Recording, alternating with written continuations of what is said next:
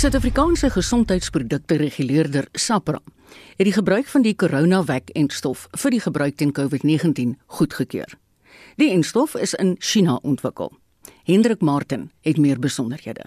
Die uitvoerende hoof van SAPRA, Dr. Boitumelo Semete Makokotlela, sê goedkeuring om die Sinovac CoronaVac-enstof te gebruik is onderworpe daaraan dat die maatskappy die data van verdere toetse aan die reguleerder voorlê. The South African Health Products Regulatory Authority has authorized CoronaVac COVID-19 vaccine manufactured by Sinovac Life Sciences and imported by Curanto Pharma.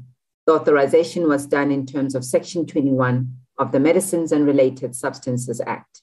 This is a mechanism that enables emergency use access and allows SAPRA to authorize a medicine subject to certain conditions. Semete Makokotlela sê die neeweffekte wat wel aangeteken is, word nie as ernstig beskou nie. As outlined in the clinical trial evidence submitted by the applicant, most of the side effects following administration of the CoronaVac vaccine were mild or moderate in nature and cleared within a couple of days. Frequently reported adverse reactions were pain at the site of injection, headache, fatigue, muscle pain, diarrhea, and nausea. Sy sê ook die reguleerder sal op hoogte gehou moet word van die doeltreffendheid van die entstof veral teen nuwe variante. In particular, any data on the efficacy or effectiveness of the vaccine against disease caused by the emerging SARS-CoV-2 variants of concern shall be provided to the regulator. The vaccine is administered in two doses of 0.5 milliliters, given intramuscularly, with the second dose administered between 14 and 28 days after the first dose. Dit was die uitvoerende hoof van die Suid-Afrikaanse Gesondheidsprodukte Reguleerder, Dr. Boitumelo Semete Makokotlela. Die Sinovac CoronaVac-enstof word met 'n voorlopige raklewe van 24 maande goedgekeur en moet teen 2 tot 8 grade Celsius geberg en ook teen lig beskerm word. Ek is Hendrik Martin vir SAK nuus. 'n Onderneming in Kaapstad wat persoonlike beskermende toerusting verskaf, het 'n omstrede advertensiebord teen die COVID-19-enstof verwyder. Die advertensiebord het 'n openbare debat onder baie Kaapenaars ontketen. Die maatskappy San I Ties, geleë in Kusweg in Maitland, het die advertensiebord wat 'n mens van die M5 af kan sien, opgerig. Die bord lees en ek haal aan: In Gates we trust. In God we trust. No vaccines for us. Volgens sy webwerf spesialiseer die maatskappy in die invoer en verspreiding van mediese en noodvoorrade aan die openbare en privaat hospitaalsektore, regeringsdepartemente en die privaat sektor. Die lid van Kaapstad se burgemeesterskomitee vir ruimtelike beplanning en omgewing, Mariaan Nieuwoud, sê die advertensiebord is verwyder omdat die eienaar nie vooraf om toestemming aansoek gedoen het nie. Die betrokke advertensiebord is onwettig opgerig en die eienaar het reeds 'n skulderkenningsboete betaal waarna dit verwyder moes word.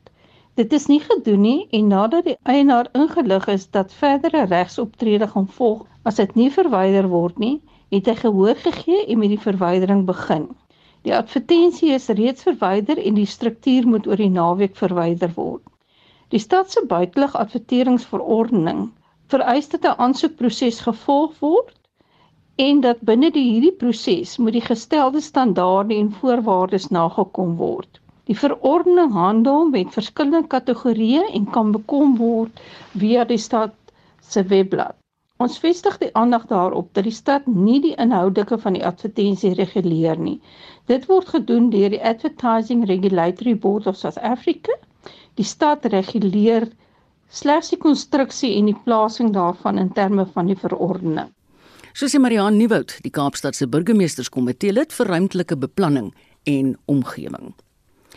Die Universiteit Stellenbosch gaan 'n afvalwatergebaseerde waarnemingsplatform daarstel om die voorkoms van die COVID-19 virus vinnig op te spoor.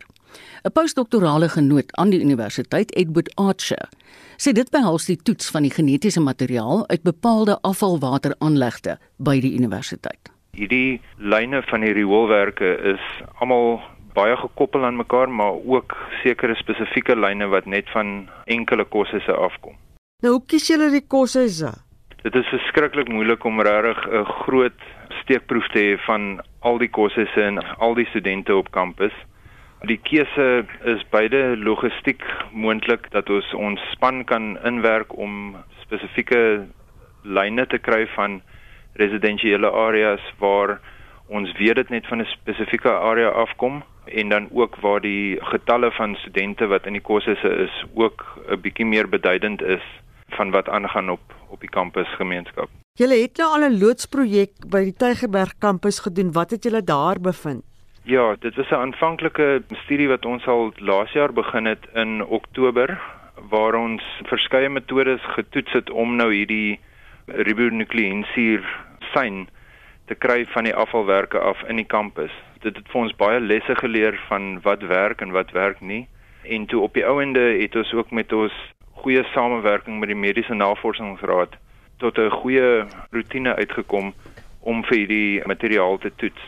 Vroeg af kon ons al begin eh, gesien het by sekere lyne dat daar nie enige sein afkom nie en soos die gevalle eintlik nogal toegeneem het met die tweede vlaag het ons al hoe meer en meer begin sien dat die sein al hoe sterker en sterker raak by spesifieke gedefinieerde lyne. Aanvanklik was dit geweest dat die lyne ook baie gekom het van die gebiede waar die algemene werkers en ook die mense wat by die mediese kampus werk ook vandaan kom en nie noodsaaklik die kossesse nie maar toe later soos wat die tyd aangegaan het het die sein begin optel by hierdie gedefinieerde lyne wat van die kosse se afkom. Hoekom is die afvalwater gebaseerde platform 'n goeie materiaal?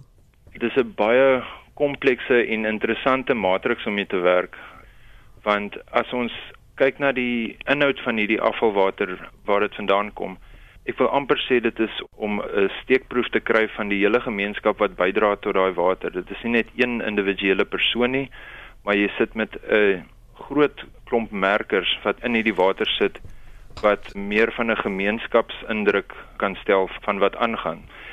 Dit vervang glad nie die normale toetsing van individue nie, maar dit gee ook 'n baie goeie steekproef en 'n moontlike vroeë kennisgewing van hierdie infeksie. Wat van asymptomatiese infeksies wat julle sê meestal onder jong mense voorkom? Ja, dit is 'n baie groot probleem wat eintlik meegesien word in hierdie hele omgewing want baie jong en ook inderdaad ouer mense kan dalk asymptomaties wees en dis nie bewus wees van hulle COVID status nie. So wat indrukwekkend is hiervan met hierdie manier van toetsing is dat dit wat ons in die water optel met die merkers of die persone simptomaties of asymptomaties is, die vlak van uitskeiding is nog steeds daar en dit het eintlik ook gekom van 'n vroeër konsep om vir onwettige dwelmmiddels en farmaseutiese middels te toets dat baie mense moet hierdie merkers uitskei en dis nie hoef te gaan vir individuele toetsing nie. Hoe werk hierdie metode? Dit is 'n polimerase kettingreaksie wat gebruik word om genetiese materiaal of biomarkers wat uniek is aan die genetiese komponent van die SARS-CoV-2 virus te toets. So hierdie ribonukleinsuur is teenwoordig op spesifieke gedeeltes van die virus en met die afbraak in die rioolwater of as dit nou getoets word um, vir kliniese toetse ook is hierdie biomarkers 'n indikator van of 'n persoon aangesteek is. Die metode wat ons volg is basies dieselfde ook as wat die kliniese toetse op gebaseer is, deurdat ons dan nou vir hierdie genetiese materiaal, maar nie vir die virus self toets nie. En hoe gaan julle die hele Suid-Afrikaanse gemeenskap kan help met hierdie resultate wat julle kry?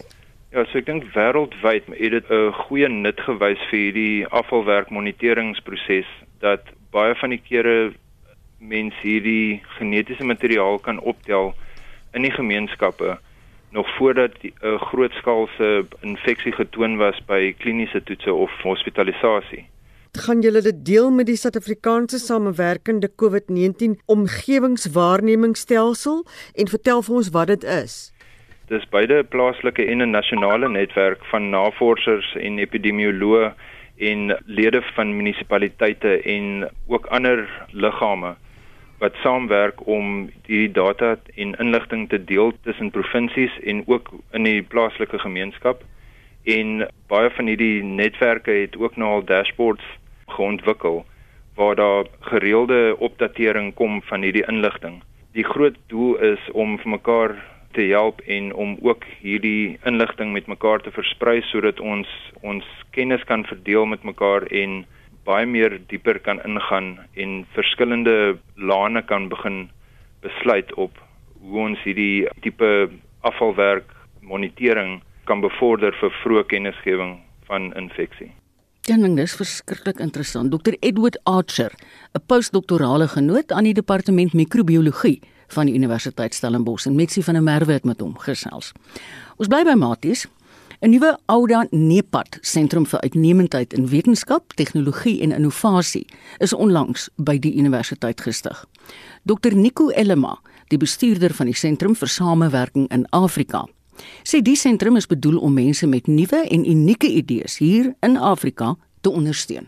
Oor die laaste jare wat het die Afrika Unie Ontwikkelingsagentskap, die ou dan NEPAD, het hulle is die implementeringsarm van die Afrika Unie. Hulle het 5 sentrums van uitnemendheid oor die kontinent gevestig. Die eerste een in landelike hulpbronne en voedselstelsels in Dakar in Senegal. Uh, die tweede een in klimaatsverandering in Kaïro in Egipte en dan menslike kapitaal en institusionele ontwikkeling in Nairobi, Kenia. En dan is daar 'n sentrum vir logistieke bestuur wat nog toegeken moet word, weet iewers in Sentraal-Afrika. En dan nou laastens hierdie sentrum vir uitnemendheid in wetenskap, tegnologie en innovasie in Suid-Afrika. En nou spesifiek Stellenbosch, jy weet waaroor ons baie opgewonde is. Nou hierdie sentrum is gebaseer op bestaande samewerking wat ons nou al baie jare het met die WNR, uh, die Suid-Afrikaanse Wetenskaplike Nywerheidsnavorsingsraad.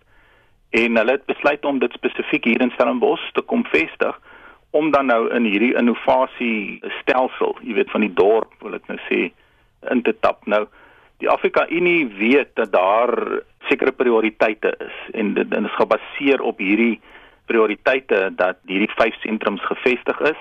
Die eerste prioriteit lê maar en dis nou nie 'n spesifieke volgorde nie, maar dit gaan oor menslike ontwikkeling.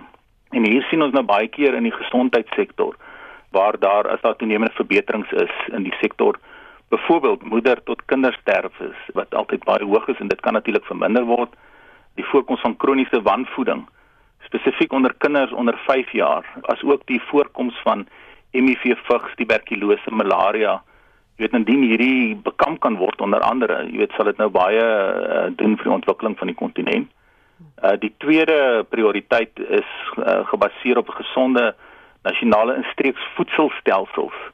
Ehm uh, jy weet ons het almal voedsel nodig en dis interessant. Jy weet studies het nou al gewys dat meer as 60% van die kontinent se bevolking in landelike areas woon en natuurlik nou afhanklik is van landelike ekonomie vir indiensneming en so voort. So die mense kan fokus op die ontwikkeling van die landelike areas sal dit nou natuurlik baie ver gaan.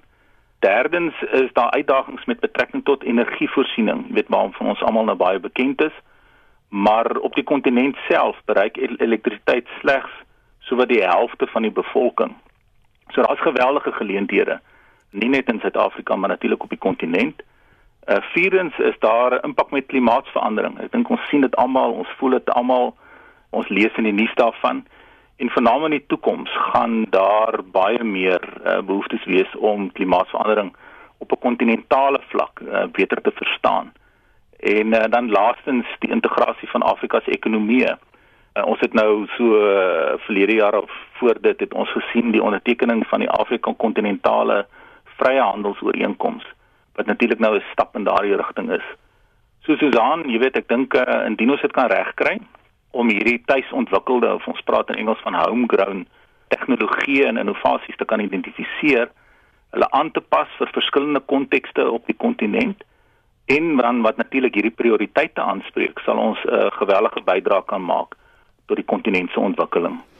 Dit was Dr Nico Elema, die bestuurder van die Sentrum vir Samewerking in Afrika by Stellenbosch en die Susan na wie hy verwys het is Susan Paxton, my kollega. Daar's wêreldwyd minstens 400 miljoen kinders wat op skoolvoedingsskemas moet staatmaak. In Suid-Afrika word 9 miljoen leerders deur die nasionale skoolvoedingsprogram bygestaan. Die COVID-19 pandemie het egter daartoe gelei dat hierdie skemas moes sluit. Die hoofnavorser van Equal Education, Roan McFarlane, sê dit lyk boonop nie asof skole nie die vermoë het om die voedingsskema te laat herleef nie. 'n Verslag wat Equal Education van die Onderwysdepartement teen die einde van Maart ontvang het, sê dat ten minste 1.5 miljoen leerders nog steeds nie 'n maaltyd ontvang wanneer hulle by die huis is nie. Equal Education het ook ons eie navorsing gedoen deur met 53 skoolamptenare en 44 ouers oor 5 provinsies te gesels oor toegang tot maaltye. Van die skoolamptenare het 49% gesê dat leerders nie 'n maaltyd kry wanneer hulle by die huis is nie. 30% van daai amptenare het genoem dat skole nie genoeg voeding ontvang om maaltye vir al die leerders te voorsien nie en daarom leerders wat by die skool is prioritiseer. Van die 44 ouers met wie ons gepraat het, het 76% aangedui dat hulle kinders nie maaltye ontvang wanneer hulle nie by die skool is nie. Hoe gaan die inperkingsvlak 4 verdere impak op leerders wat op die voedingsskema staat maak hê? Daarby weet ons dat hoewel daar planne is vir laerskoolleerders om vanaf 26 Julie voltyds terug te gaan skool toe, is daar nog geen sulke planne vir hoërskoolleerders nie. Op hierdie stadium blyk dit dat hulle gaan aanhou om op 'n rotasiebasis skool toe te gaan, wat beteken dat hulle net sekere dae van die week by die skool is en die res van die tyd by die huis uh spandeer. Daarom is Equal Education adamant dat die minister en provinsiale opvoedkundige departemente hulle sokkies moet optrek om te verseker dat elke leerder wat kwalifiseer vir 'n skoolmaaltyd, daardie maaltyd ontvang ongeag of hulle by die skool is of nie. En sover bewys die navorsing en die onderwysdepartemente se eie data dat hulle sedert die begin van die pandemie nog nooit in 'n posisie was om te verseker dat al daai leerders 'n maaltyd ontvang nie. Dink jy daar is vordering sedert julle oorwinning in die hof oor hierdie skema? Equal Education bly bekommerd oor die impak van stygende COVID-19 getalle op skoolbywoning en daarom ook op leerders se toegang tot skoolvoeding. Uh, ten spyte van ons oorwinning in die Gautengse Hooggeregshof laas jaar waar die hof die minister as ook die provinsiale opvoedkundige departemente beveel het om die skoolvoedingsskema uit te rol al is skole toe is ons ervaring dat leerders nog steeds nie voeding uh, ontvang soos voor die pandemie wanneer skole toe is nie. Op hierdie stadium lyk dit wel asof die minister by haar plan staan om nie skole toe te maak nie, maar natuurlik bly die toekoms onseker en dit is moeilik om te voorspel wat sal gebeur as getalle verder styg. Ronay, hoe gaan Equal Education dit verder neem? Equal Education is uiters bekommerd dat hierdie situasie bydra tot 'n verhoging in hongersnood onder kinders wat alreeds verdubbel het sedert voor die pandemie. Equal Education is vasbeslote om alle moontlike metodes te gebruik om die departement verantwoordelik te hou en seker te maak dat elke leerder wat 'n maaltyd verdien, dit kry. En dit was Ronay McFarlane, die hoofnavorser by Equal Education wat 'n gesprek was met Vincent Mofokeng. En Ronay, ek moet jou om verskoning vra, ek het jou net nou Round genoem, maar so leer mense en dis 'n baie mooi naam. Opposisiepartye het hulle misnooi te kenne gegee oor die Johannesburg Metro se nuwe tariefverhogings. Dis veral oor die stygings in elektrisiteitstariewe van meer as 14%. Ons praat nou met die Vryheidsfront Plus raadslid, Franco De Lange. Goeiemôre Franco. Goeiemôre. Hoe lyk die verhogings wat op 1 Julie in werking getree het? Jong, ja, ons het definitief teen dit gestem. Mm. Dis nou al die tweede jaar in 'n ry wat ons dit gedoen het. Ek sal gou die verhogings noem en dan sal ek net sê wat ons daaroor te sê gehad het. Is die Vryheidsfront Plus in Johannesburg. Elektrisiteit 14.59%, water 6.8%, eiendomsbelasting 2% en vullisverwydering 4.3%. Ek het dit genoem in die stadsraad. As jy kan onthou, die COVID het ons in inperking gesit einde hmm. Maart laas jaar. Verhogings word natuurlik gedebatteer in Mei maande in meeste van die rade en op daai stadium was daar al klaar baie mense wat of hulle werk verloor het of hulle 'n drastiese verlaging in hulle maandelikse inkomste ervaar. Mm. Toe ek dit daar genoem, laas jaar my maand en ek het dit weer hierdie jaar genoem, dat die stad van Johannesburg nie verbruikers verder kan straf met hierdie tipe van verhogings nie. Want as mense hulle werk verloor, soos wat ons nou almal gesien het ja. met ons invordering, ehm um, munisipale kostes, want dit vat mos nou 'n rukkie om afgesny te word. Ehm um, hulle betaal dit net nie. So hoekom maak ons dit nou nog moeiliker? So wat gaan die mense doen? Al moet jy jou munisipale um, belastings betaal, maar as dan nie kos op jou tafel is nie as gevolg van probleme met jou inkomste, is dit een van die eerste goed wat mense sny. En dit was natuurlik die rede wat ons gegee het daarvoor. En as ons ook nou onlangs gaan kyk, ons het nou weer inflasie bo 5% vir die eerste keer in 36 maande. Dit maak dit moeiliker, kospryse gaan op. Ons sien hoe fluktueer die petrolprys mm. en ons het dit baie duidelik gemaak dat ons nie vir die tweede jaar in 'n ry hierdie munisipale verhogings um, sal ondersteun in die stadsraad nie. Franco ek dink die verbruikers hierso in Johannesburg sou dit miskien meer gereedelik gedoen het as daar deursigtige en forensies korrekte bestuur van die stad was kyk, dit is ook natuurlik so.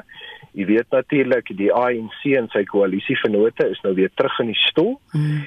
En ek het dit ook baie duidelik gemaak dat mense se salarisse word gesny. Oral op die stadium, mense ontvang nie verhogings soos wat hulle in die verlede gekry het nie. Die stad straf die mense. Dit is nie deursigtig nie en die amptenare wat vir die stad werk, kry nog elke maand hulle volle salarisse. Ek gaan juist net nou by daai punt uitkom. Maar ek wil jou vra Franco, is die verhogings nie buite die stad se beheer nie? Kyk, water word deur Randwater vasgestel hmm. en elektrisiteit word natuurlik deur Nersa vasgestel. Dan sal die stad 'n klein persentasie bo-op dit sit, sal miskien 'n 0.5 of 'n 1% wees, maar eiendomsbelasting en vullisverwydering. En dan natuurlik die fooie wat die stad vra op jou rekening sal jy dit sien waar hulle meters lees en al daai tipe dinge. Dit is wel in die mm. stad se beheer. Goed. Ongelukkig water en elektrisiteit mm. is maar 'n provinsiale of 'n nasionale aangeleentheid. Ja, en ek wil jou vra, jy het 'n verklaring gemaak hieroor en ek gaan hom nou aanhaal, want dit, ek dink dit sluit aan by wat jy nou gesê het. Die Metroraad is ongevoelig teenoor verbruikers se finansiële vermoë en hulle stoomroller nuwe tariewe deur om seker te maak dat kaders en amptenare hulle volle salaris elke maand ontvang. Praat ek reg? Dit is presies wat ek gesê het en dit bring my terug by die punt die ANC en sy nuwe vennote, sy nuwe koalisievennote, hulle stem so begroting deur. Dis nou die operasionele begroting en die kapitale begroting vir die volgende finansiële jaar mm. en dit sluit ook die tariewe in.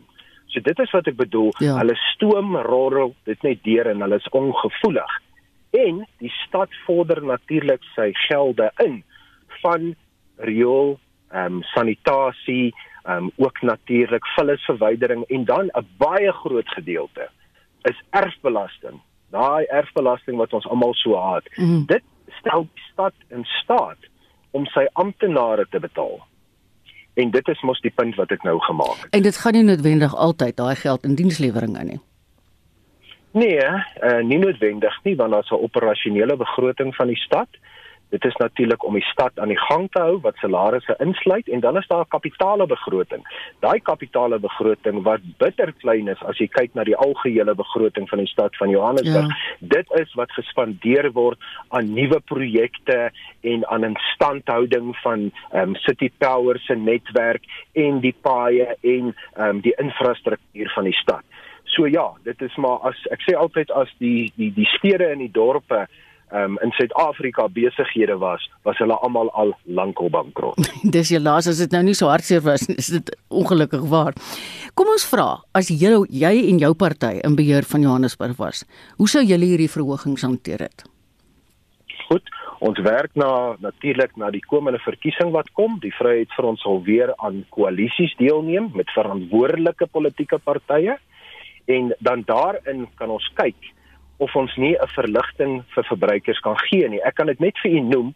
In 2013 het ek onder die Vryheidsfront se vaandel, toe was die ANC nog steeds in beheer, reg gekry dat alle pensionaarsse bo 70 jaar oud in die hmm. stad van Johannesburg wat se eiendomswaarde op jou munisipale rekening onder 2 miljoen rand is, glad nie erfbelasting betaal nie. Ja. Toe ons deel was van die koalisie voordat die ANC en sy vennote nou weer oorgeneem het in 2020, het ek dit weer gedoen en ons het weer reg gekry onder die Vryheidsfront se vaandel. Dit gaan nie oor my nie dat ehm um, pensionaarsse ouer as 70 en eiendomme want ons het mos toe die evaluasies van mm. eiendomme gedoen elke 5 jaar die waardasierol 2.5 miljoen onder dit is ook nie hooferfbelasting te betaal nie en die rede daarvoor wat ek aangevoer het is dat die verbruikers en die belastingbetalers betaal al vir jare maak nie saak wat se politieke gestel daar was nie erfbelasting. Ek dink hulle het nou genoeg betaal en dit is hoekom ek dit vir die tweede keer reg gekry het dat almal bo 70 wat se eiendom onder 2.5 miljoen werd is, glad nie hoof erfbelasting te betaal nie. Dit is die verskil wat die Vryheidsfront maak. Ehm um, of ons nou in 'n koalisie is en of ons nou uit 'n koalisie is, dit is wat ons vir die verbruikers so ver reg gekry het. Dankie vir jou tyd op 'n Saterdag Franco. Dit was Franco de Lange. Franco is 'n raadslid van die Vryheidsfront Plus in die Johannesburgse metro. Die Suid-Afrikaanse Geloofs Gemeenskaps- en Omgewingsinstituut sê die verhoging van elektrisiteitstariewe wat nou hierdie maand in werking getree het, tref die land se lae inkomste groepe die swaarste. Dit skep meer uitdagings tydens die derde vlaag van die COVID-19 pandemie. Weer Metsi. Volgens die instituut se verklaring sal Kaapstad se inwoners sowat 13,48% meer vir elektrisiteit betaal terwyl inwoners in Johannesburg en Durban 14,59% meer moet optok. Ander verbruikers wat regstreeks van Eskom krag kry, betaal volgens Safkey reeds van 1 April af 15% meer. Dit nadat die nasionale reguleerder van Suid-Afrika, Nersa, 'n verhoging van 15,6% vir vanjaar goedgekeur het. Die woordvoerder van Safkey, Wayne Du Plessis, sê omdat die munisipaliteite so baie bestuursprobleme het, ontvang die lae-inkomste groepe meermale nie die gratis krag soos bepaal deur die wetskrif van 1998 nie. Wys daarop dat die FBI gratis basiese inligting nie tot die armste kon nie. Want u kan slegs FBI kry as jy 'n indignant huishouding per munisipaliteit registreer. Maar baie van die munisipaliteite funksioneer nie goed nie sodat mense kan dit registreer nie. En as die munisipaliteit nie sy toeslag van elektrisiteit spandeer nie, kan dit spandeer op enige iets wat hy wil. Die tariefverhogings maak dit vir die armes nog moeiliker om toegang tot krag te kry. Die tariefverhogings sal sorg dat die huishoudings wat nie elektrisiteit kan bekostig nie, verder excluded word. Die hoofsaak is dat die regering nie luister nie wat die gemeenskappe nodig het nie. Wayne Du Plessis is die woordvoerder van Safkey. Mitsi van der Merwe, SAK nuus.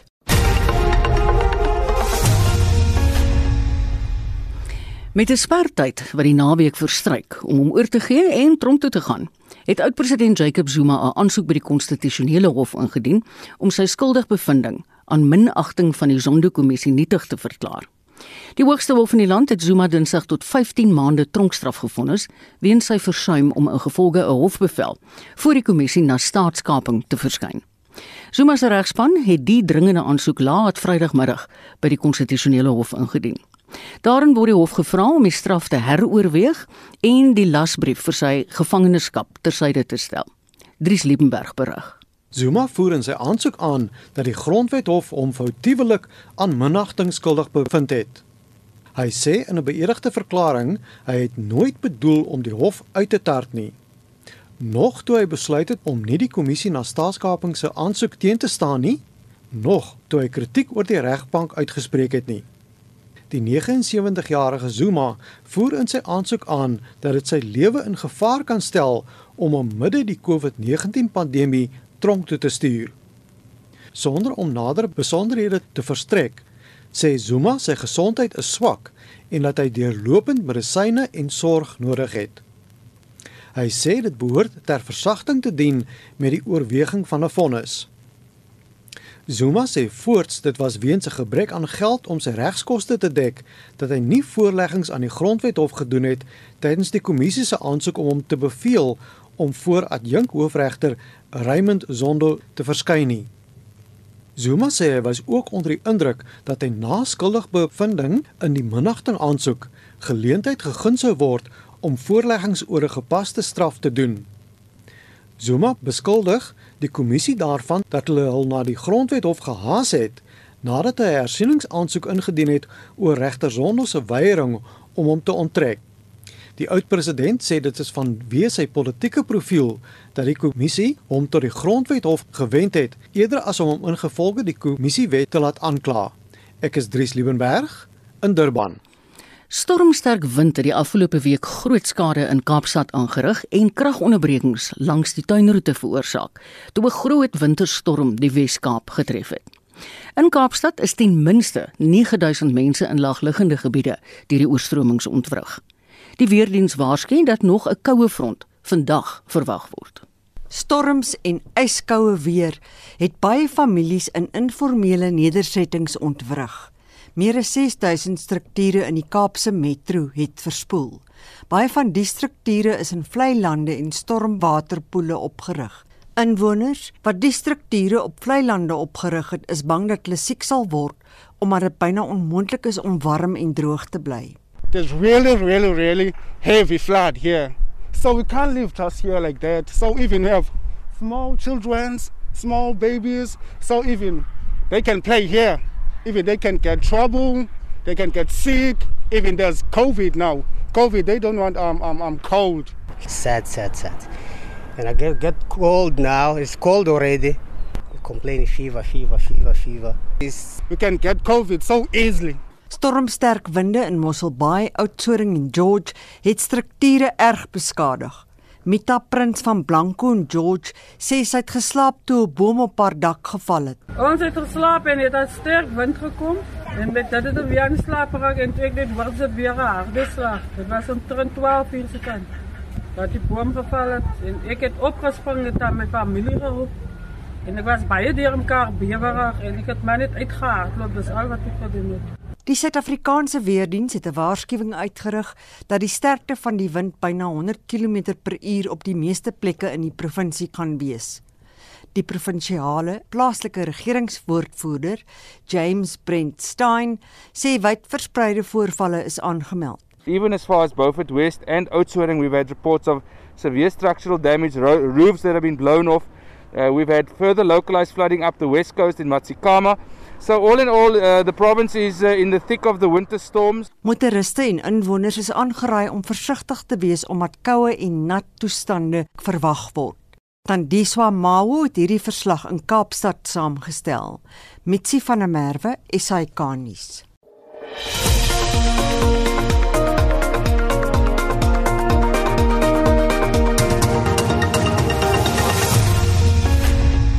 Is ingeskakel op RSG, dis die program Naweek Aktueel en daar is nou gesê dis die Kaap van Storms en hulle is in hulle winterseisoen en ons kan nie oor 'n naweek in die winter praat sonder om van sport te praat nie want daar is so 'n klomp topsportgeleenthede hierdie naweek en ons gesels met ons RSG sportkoördineerder Pieter van der Berg. Hallo Pieter. Maar ek sê maar het al lekker om weekliks met jou te gesels oor die sport, ja. Die Springbok rugby span was nou gisteraan terug in groen en goud en hulle was in Pretoria op die veld, maar ek moet jou sê die eerste helfte het ek maar 'n bietjie my oë toegeknyp. ja, jy weet na 53 minute was ons maar 19-9 voor gewees en toe het hulle so 'n bietjie die krane oopgedraai. Nou ja, teen Georgië het mense verwag dat uh, hulle jy weet vinniger op die voorvoet sal kom, maar hulle was lanklaas amper 20 maande hmm. laas in aksie. Uiteindelik gewen 40-9, goeie telling vir die vir die bokke gewees maar ek moet sê daar was 'n paar uitstekende oomblikke. Hulle het 6-3 gedruk. So aanstaande Vrydag, komende Vrydag of aanstaande Vrydag dan speel hulle weer teen Georgië, die keer in Johannesburg en kom ons vertrou dat hulle van die begin af uh, die uh, pap dik sal aanmaak. Dan in die Karibieke reeks het die Pumas vir Griekwas geklop met 26-22. Die Pumas het 3-3 teenoor die een van Griekwas gedruk. En dan vanmiddag om 3 uur speel Suid-Afrika teen Argentinië. Dis in die internasionale onder 20 eindstryd daar op Nieuweland in Kaapstad. En natuurlik vanaand die Britse en die Ierse Lions Marita, hulle skop 'n retour vanaand af in Suid-Afrika. Dis teen Suid-Afrika se eie Lions hier in Johannesburg en dit is Johan Tormalen wat gereeld gereeld sal verslag doen oor daardie wedstryd wat om 6uur begin. Dan ander internasionale wedstryde wat vandag plaasvind, kan jy glo 'n telling van 102-0 van die Seeland vanoggend teen Tonga. 'n nee. uh, Reuse telling, ja. En dan vanmiddag Ierland en Japan, Wales teen Kanada en Roemenië. Hulle speel vanaand om 18 uh, 8uur teen Argentinië. Ek ek stem met jou saam wat jy nou gesê het oor gisterand se rugby want ek het die indruk gekry hulle is 'n bietjie verroes. Hmm, en toe hulle mm, litte begine losmaak, toe kan jy sien hulle kom nou weer so half in hulle patroon in. Ja, en dan ek moet sê daar die eh, bomskwad waarna hulle verwys het ook weer goed gewerk. Hulle opkom met voorry, uh, soos wat hulle in die wêreldbeker eindstryd gebruik het. Ja. So ja, nee wat, uh, kom ons vertrou aan staan ja, ja. en gaan sommer baie beter gaan. Kyk, Wimbledon 2021 se tenniskampioenskap is nou amper al letterlik by die halfpadmerk. Wat is die jongste nuus uit Engeland? Ja, kom ons loop na 'n paar van die wedstryde gister in die derde ronde, die mans enkelspel, het die 10de gekeerde Dennis Shapovalov het hy afgereken met Andy Murray, natuurlik 'n voormalige kampioen en ook wêreldnommer 1. Die telling daar 6-4, 6-2 en 6-2 en dan die eerste keer Novak Djokovic, hy het met Dennis Kudla klaar gespeel 6-4, 6-3 en 7-6. Vandag op die hoofbaan is Roger Federer, die 60 gekeerde in aksie teen Brittanje se Norrie wat 29ste gekeer is. En dan in die vroue enkelspel se derde ronde, Elise Mertens, sy 13de gekeer sy pak gekry gister, die 23ste gekeerde Madison Keys het daar met 7-5 en 6-3 afgestof. Vandag speel Ashley Barty wat in die eerste gekeerde is van Australië teen Siniakova van uh, Tsjechië en uh, daardie wedstryd is dan ook op die hoofbaan vandag. In die mans enkelspel, goeie nuus vir Suid-Afrika, twee Suid-Afrikaners in aksie vandag. Dit is Lloyd Harris en Alex Popperin wat speel teen Oliver Maraj en Alice Ulhak Gorici en dan kom Suid-Afrika se Ryan Klassen en Ben McLaughlin. Dit staan teen Ricardas Barranquis en Dominic Kemfer. So kom ons hoop dat uh, die twee Suid-Afrikaners goed vaar in vandag se dubbelspel. Ja, ons hou hulle duime vas. Vroeger die week het Louis de Jager gekwalifiseer vir die Britse Ope golftoernooi wat op die 15de Julie begin. Hmm. Maar watter toernooie word hierdie naweek gespeel? Ja, kom ons maak dit daai eers in uh, Europa. Dis die Ierse Ope wat uh, daar in Kilkenny gespeel word en uh, dit is Lucas Herbert van Australië wat die voorloper is. Hy op 1300 syfer en die Sullivan in Grand Forest. Hulle is op 1100 in die tweede plek. Suid-Afrikaanse Christian Besaid nou goed geplaas, gesamentlik 5de op 900 syfer. Die kwalifikasie vir die laaste twee rondes was op 300, net om te wys hoe goed is die golf op die oomblik die standaard van internasionale golf.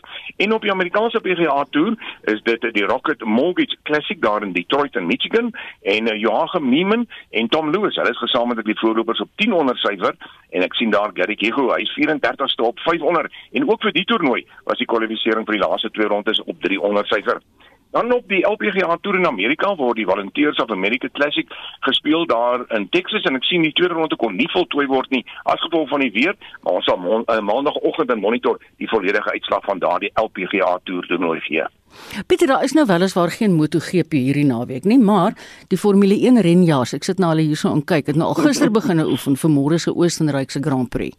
Ja, daar die derde oefensessie is reeds aan die gang. Hulle gebruik natuurlik dieselfde baan, daar die um, Red Bull ringbaan daar in Spielberg. Mm. Nou Max Verstappen van Red Bull het vir die naweek 'n uh, gemaklik gewen daar in die Styriaanse Grand Prix, maar gister tydens die tweede oefensessie was dit Mercedes wat gewys het hulle gooi is nog lank nie uit nie. Lewis Hamilton het die vinnigste tyd opgestel en sy spanmaat en die ander Mercedes Valtteri Bottas, hy was tweede met die voorloper in die kampioenskap Max Verstappen wat die derde vinnigste was. Die uh, soos ons sê die uh, derde oefenronde is tans aan die gang of waar die sessie dan en dan die kwalifikasie van vanmiddag plaas en die hoofwedrense Wegsburg Marita is môre middag om 3 uur. Die Protea kriketspan se T20 reeks teen die Wes-Indiese eilande loop vandag ten einde. Wat dink jy kan ons te wag te wees? Jong, ek is uh, dis nie goeie nuus nie. Dit lyk vir my die weer gaan bietjie inmeng daar, maar die Windies, hulle het natuurlik die eerste T20 gemaklik gewen. Ehm um, en toe het uh, Suid-Afrika koning gekry in die tweede en die derde. Donderdag het die Windies ons nou weer te pak slag gegee met 21 lopies en uh, ek dink ons bowlers het nie baie goed gevaar daar nie. In die eerste bowlbeurt 20 lopies afgestaan, in die 19de bowlbeurt 25 en in die 20ste bowlbeurt 18, so 63 lopies wat ons bowlers afgeslaan het en net 3 balbeurte en nou ja, jy kan nie wedstryd so wen nie. Kom ons vertrou dat indien hulle vandag kan speel, die reeksstelling is 2-11 nou dat uh, Suid-Afrika daardie wedstryd kan wen en so ook die reeks kan wen. En dan in die eendagreeks tussen Engeland en Sri Lanka is dit die tweede wedstryd wat donderdag afgehandel is en Engeland het daar gemaklik met 8 paaltjies gewen. Die derde en die laaste eendagwedstryd tussen Engeland en Sri Lanka word dan môre gespeel. En dan ten laaste wil ek jou vra, dis die eerste week van die 105de Tour de France fietswedren en dis nou amper verby. Wie wie loop voor? Wat is die jongste nuus? Ja, ons moet onthou dis 'n 3 weke lange toer, so dis maar lank wat die man in die mm. saal is en uh, gister se sewende skof was oor 249 km gejaag, 'n lang skof en dis Matej Moric wat daar gesê het hy's van Bahrein en uh, sy tyd 5 uur 28 minute in wat hy in die saal was. Jasper Stuyvnev is 'n uh, minuut en 20 sekondes na hom gewees met Magnus Kort Nielsen en die voorloper uh, Matthew van der Poel wat 'n minuut en 40 sekondes agter die wenner was. Nou algeheel is Matthew van der Poel steeds die voorloper. Hy is net 30 sekondes voor Wout van Aert wat tweede is en dan 'n minuut en 49 sekondes terug. In die derde plek is dit Casper Asgreen met Suid-Afrikaanse Louis Mentjes nou 34ste en hy is 9 minute en 15 sekondes agter die voorloper. Die agste skop Marita word vanmiddag oor 150 km beslis en Jody Hendrik sal tussen 3 en 6 vanmiddag agter RSG se sportmikrofoon wees en ons op hoogte hou van al die gebeure. Jong, ek het hom geskrik die week met daai verskriklike ongeluk met die vrou met die plakate. Ja, ja, en die die persoon wat daarvoor verantwoordelik was, is toe nou nie aangekla nie. Ja. En ek dink is miskien 'n goeie ding vir die sport, maar ek hoop dat uh, die toeskouers, er, ek weet baie net ernstig kennis neem daarvan van die nagevolge, die beserings en die die manne wat uh, jy weet span spanlede ja. wat uit die span uit is, dis baie baie moeilik vir die res van die nee, nee, nee. Pieter, lekker sport doen hierdie naweek. Dit was RSG se sportkoördineerder, Pieter van den Berg. Jy luister na Naweek Aktueel en gewoonlik is dit so na ons die sportbeet gehad het, kom ons by karre. In ons weeklikse motorrubriek toets Wessel Pretoria se vandag 'n Kia en 'n Volkswagen. Voertuigverkope is steeds besig om momentum te bou. Verlede maand is net meer as 38000 nuwe voertuie plaaslik verkoop en net meer as 28300 voertuie is verlede maand uitgevoer. Toyota was weer los aan die topverkoper in Junie met 9630 eenhede, Volkswagen tweede 5530 en Ford 3273. Die res van die top 10, Hyundai vierde, Nissan, Suzuki, Haval, Isuzu, Kia en 10de Renault. Toyota se Hilux was die gewildste modelreeks, gevolg deur die Ford Ranger, Volkswagen se Polo Vivo, die nuwe geslag Polo en vyfde die Isuzu D-Max. Volgens die mededingingskommissie se riglyne oor naverkope diens mag voertuie wat vanaf 1 Julie verkoop is by enige diensverskaffer versien word. 'n Eienaar sal dus nie meer gedwing word om 'n diens of motorplan of dierder oorspronklike onderdele by 'n handelaar te koop nie. Kia het onlangs 'n nuwe topmodel by sy gewilde Picanto reeks gevoeg, die X-Line teen R240 000. Nuwe buffers en LED ligte voor en agter, swart plastiek wielbo en 15 duim alloy wiele en hy staan 'n knerts hoër as die ander Picantos na my mening die aantreklikste Picanto te koop. 'n Outomaties is ook beskikbaar. Ek het die 5-spoed handrat gery. Binne kry jy 'n meer premium gevoel in die Kia as in jou gemiddelde klein luikerig. Die topmodel gee vir jou leer op die stuur, sitplekke, sentrale armleuning, radkierie en selfs gedeeltes hier in die deure. En gepraat van die radkierie, die het 'n heerlike skuifaksie. Die sentrale raakskerm bied Apple CarPlay en Android Auto as ook 'n driebeeld en daarmee saam drie sensors. Ek is 'n lang ou pas lekker voorin, maar spasie agterlangs is baie beperk en die bagasiebak vat net twee kleinerige tasse. So ideaal vir twee mense en hul bagasie, die agterste rugleunings kan platslaan, maar dis omtrent dit. Ander geriefskenmerke sluit in vir hitte buitespieëls wat ook kan invou en dagryligte wat outomaties oorskakel na die nagligte wanneer nodig. Ook misligte en Bluetooth.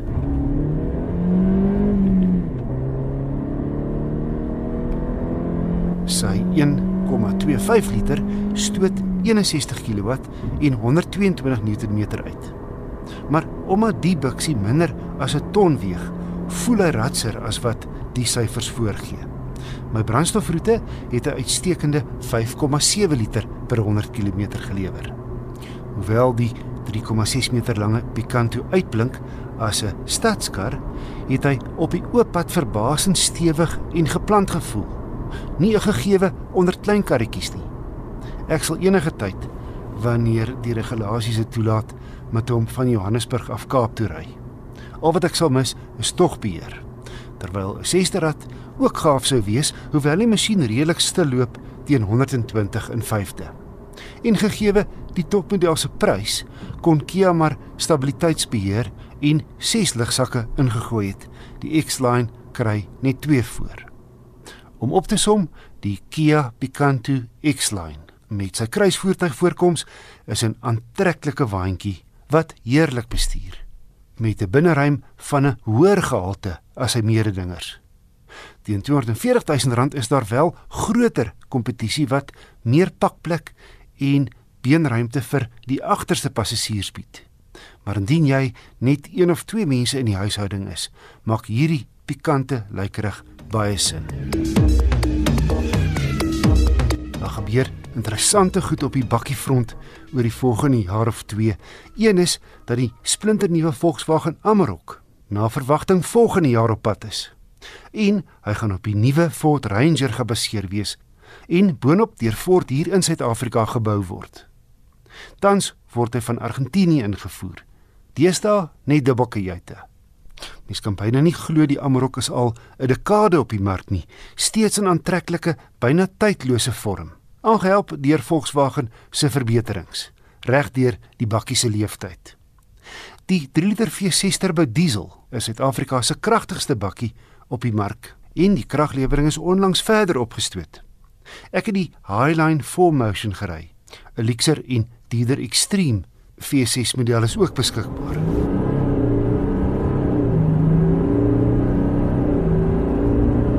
Enigste plaaslike bakkie wat 0 na 100 in onder 8 sekondes kafdraf. Voorheen het die V6 165 kW en 550 Nm gelewer. Nou lees die V6 se syfers 190 kW en 580 Nm. En vir 10 sekondes gee hy jou 200 kW. Verbysteek gebeur blitsig. In Kaar se syfers beamoed dit met die vorige V6 het 80 na 120 km/h 6 sekondes geneem. Met die kragtiger model vat dit net 5,2 sekondes. Terselfdertyd nogal relatief lig op die sous. Op my standaardstad en ooppadroete het ek 9,9 liter per 100 km gemeet. Glad nie sleg vir 'n groot, kragtige bakkie nie. Ritgehalte en padgedrag op teer en grond met sy permanente vierwielaandrywing beïndruk steeds. Sy ouderdom wys wel op twee gebiede. Hy het net vier ligsakke, geen vir die agterste passasiers nie, ongehoord vir 'n voertuig noord van 900 000 rand. Dieselfde geld vir harde plastiek wat op plekke in die kajuit gebruik word. My gevolgtrekking Volkswagen se Amarok V6 TDI Highline 4Motion bied krag wat geen ander nuwe bakkie bied nie, wat baie handig te pas kom as daar swaar gesleep moet word. Maar teen 'n allemintige 921900 rand. Dis 144600 meer as die Amarok 2 liter Highline. Ook met vierwielaandrywing en die seepglade 8-spoed outomaties. Die 3 liter Highline het wel 'n paar ekstra luksus soos leersitplekke waarvan die voorstes verhit, xenonligte en 'n trikamera. Maar selfs al sou die 3 liter se bykomende kenmerke 44600 werd wees, is 100 000 rand vir 30% meer krag 'n baie stywe bedrag. My geld sou gaan vir die 2 liter diesel met 2 turbo aanjaars wat aansienlik goedkoper is, maar steeds genoeg woema het. En so lê vandag se naweek aktueel op sy rug. Onthou gerus as jy enigiets van ons program of Monitor Spectrum of kommentaar sonder aande wil uitvind, ons is almal op potgooi, dan kan jy letterlik net na RSG se webblad toe gaan. rsg.co.za en jy kan natuurlik op Twitter ons volg by Monspek1 en ons is Facebook by ZARSG. Ek hoop jy die uur geniet soos wat ons in die ateljee dit geniet het. Daar's vreeslik baie sport wat voor lê die naweek, so ek is seker dat vandag gaan erns gebraai word. Ek groet en ek wens jou 'n na gawe naweek in RC se geselskap toe. Namens Hendrik Martin en Daitron Godfrey. Geniet jou middag. Ek is Marieta en ons praat weer 'n volgende keer. Totsiens.